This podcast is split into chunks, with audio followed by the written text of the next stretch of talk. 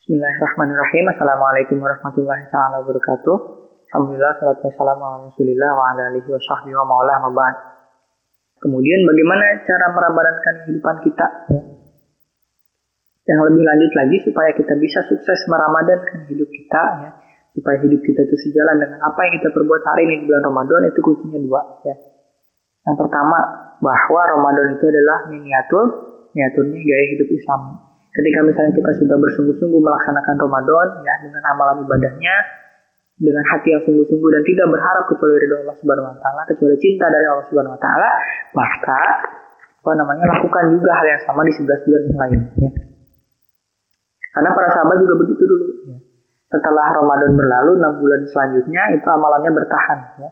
Kemudian enam bulan lagi itu digunakan untuk berdoa supaya ketemu dengan Ramadan. Artinya apa? Sukses mereka meramadkan hidup mereka gitu kan. Gaya hidup selama Ramadan itu sudah berhasil diterapkan di sepanjang sepanjang hari sepanjang hayat bahkan sepanjang kehidupan mereka itu sudah berhasil dilaksanakan. Kemudian kunci yang kedua adalah apa? Sadar kalau diri kita adalah makhluk Allah subhanahu wa kenapa? Karena kalau misalnya kita nggak sadar diri sebagai makhluk kita akan bertanya terus terusan bertanya. Ya kita tidak akan pernah berhenti bertanya gitu kan. Kenapa harus puasa? Kenapa harus sholat terawih? Ya, karena kita tidak sadar posisi kita sebagai makhluk Ya untuk mendapatkan kesadaran bahwa kita adalah makhluk Allah Subhanahu wa taala memang diperlukan proses berpikir yang cukup panjang.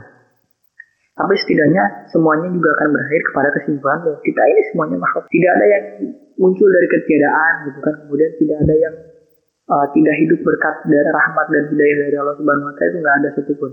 Ya, bahkan kita bisa terlahir menjadi manusia gitu kan embrio kita tidak gagal di dalam rahim kita itu semua semata karena cinta dari Allah Subhanahu Wa Taala. Tidak ada faktor yang lain. Tidak ada faktor yang lain selain dari kecintaan apa, namanya cinta Allah Subhanahu Wa Taala kepada hamba-hamba.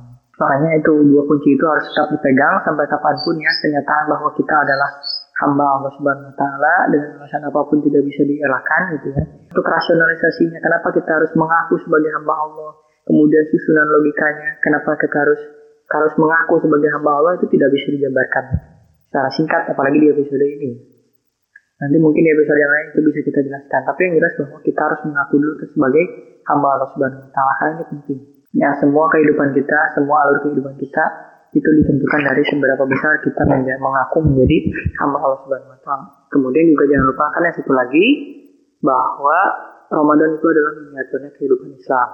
Ramadan itu adalah miniaturnya gaya hidup, gaya hidup Islam. Maka untuk orang yang mau meramadankan hidupnya, terapkan Ramadan di setiap langkah kehidupan. Ya. Hati-hatinya tetap dijaga, amalan ibadahnya tetap dijaga, begitu ya. Jangan sampai ada yang lupa. Baik, itu saja yang bisa kami sampaikan. Kita tutup dengan alhamdulillah, alhamdulillah istighfar, astagfirullahaladzim, dan doa kifaratul majelis.